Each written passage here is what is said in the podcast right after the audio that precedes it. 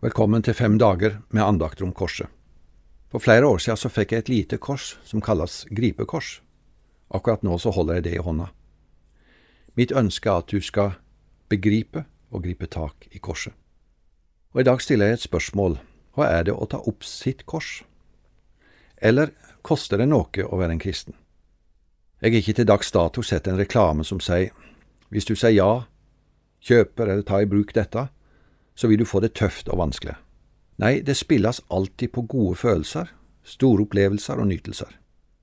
Hvis du tar denne medisinen, denne tabletten, kjøper dette produktet, gjør den investeringa, så vil livet ditt bli både bedre og du blir mer happy. For ikke å snakke om hvis du vant førstepremien i Lotto. Da kan du sette deg i sola og nyte livet. Hadde ikke vært fint om vi kunne ha sagt som kristne, hvis du vil tro på Jesus, så vil livet ditt bli helt fantastisk. Du vil få alt det du ber om i livet, og svia mer enn det du kan tenke deg i evigheten. Men det er ikke slik vi kan eller skal si.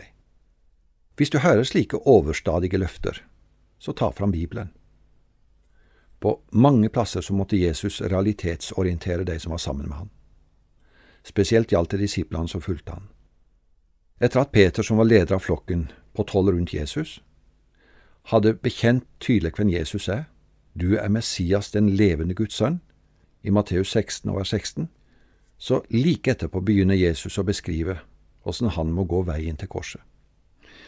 Peter han reagerer med vantru, og han argumenterer. Gud, fri deg, Herre, dette må aldri skje deg. Matteus 16 vers 22. Og da må Jesus ta kraftig i. Vik bak meg, Satan, du er til anstøt for meg, for du har ikke sans for det som hører Gud til, men bare for det som hører menneskene til. Matteus 16 vers 23. Vi kan vel forstå at det må oppleves som ikke lite heftig. Men Jesus stopper faktisk ikke der. Han skrur enda noen hakk til. Om noen vil komme etter meg, da må han fornekte seg selv, ta sitt kors opp og følge meg. Matteus 16, vers 24. Hvis du vil ha mange til å følge etter deg, så virker det ikke godt å si at du må fornekte deg sjøl og ta korset opp. Det virker ikke som oppskrift på suksess. Men nå handler det om å fornekte seg sjøl, ta sitt kors opp. Jeg har ei lita bok som jeg fikk for mange år sia. Forfatteren er G. Steinberger, og tittelen er Veien i lammets spor.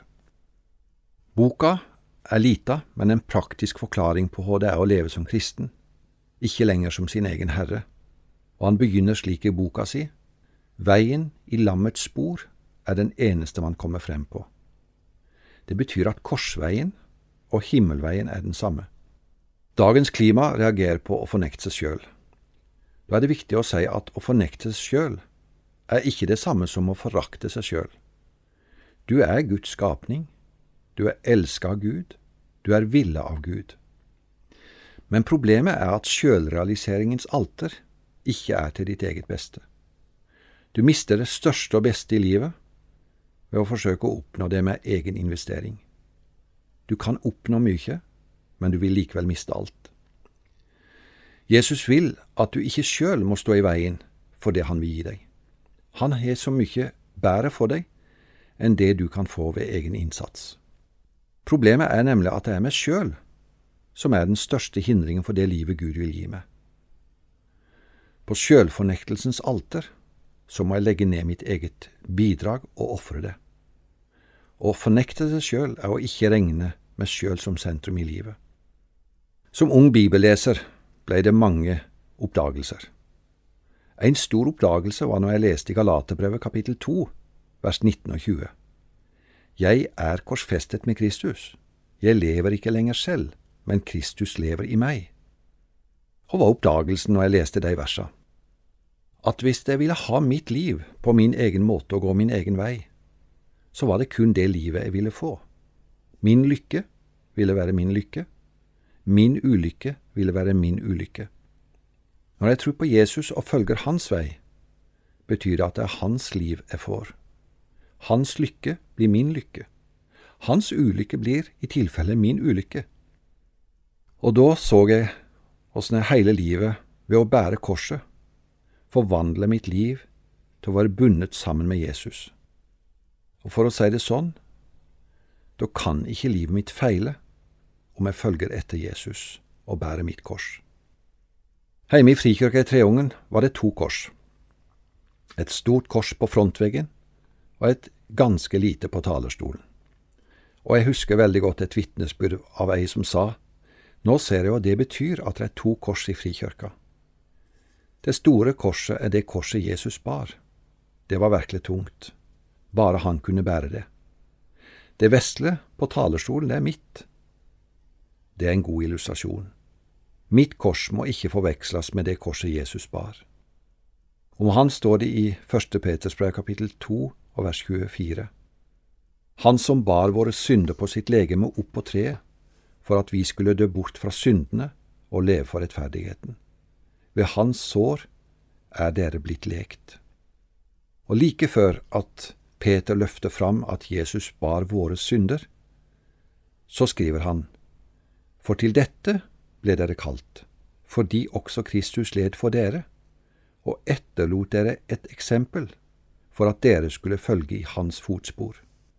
1. Peters brev, kapittel 2 vers 21. Vi skal ikke oppsøke eller utsette oss for lidelse for å være fromme eller tru at det gir oss en spesiell fordel. Nei, vi skal følge etter Jesu fotsvor og bære vårt kors. Da er jeg helt sikker på vi kommer i situasjoner som blir tøffe. Noen vil se på oss som litt merkelige og naive, noen vil prøve å sette oss til veggs, og uten at det skal male framtida mørkere, så tenker jeg at det å følge etter Jesus vil medføre mer forfølgelse. Slik opplever jo millioner av kristne det i dag. De går i Jesu fotspor. De risikerer livet, men de er villige til å følge Jesus uansett prisen. Og vi har noe å lære av de som går i Jesu fotspor under lidelse.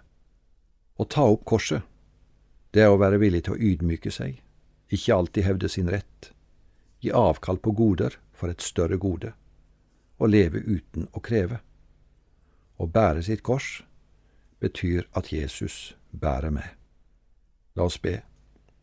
Takk for at du bar det korset som jeg ikke kunne bære, Jesus. Hjelp meg å bære mitt med tålmodighet. Ta imot velsignelsen. Herren velsigne deg og bevare deg. Herren la sitt ansikt lyse over deg og være nådig. Herren løfte sitt åsyn på deg og gi deg fred. Amen. Arvid Hundemo var andagsholder i Over en åpen bibel i dag. Mangeårig forkynner og pastor bl.a. i Frikirken. Serien er produsert av Norea Mediemisjon.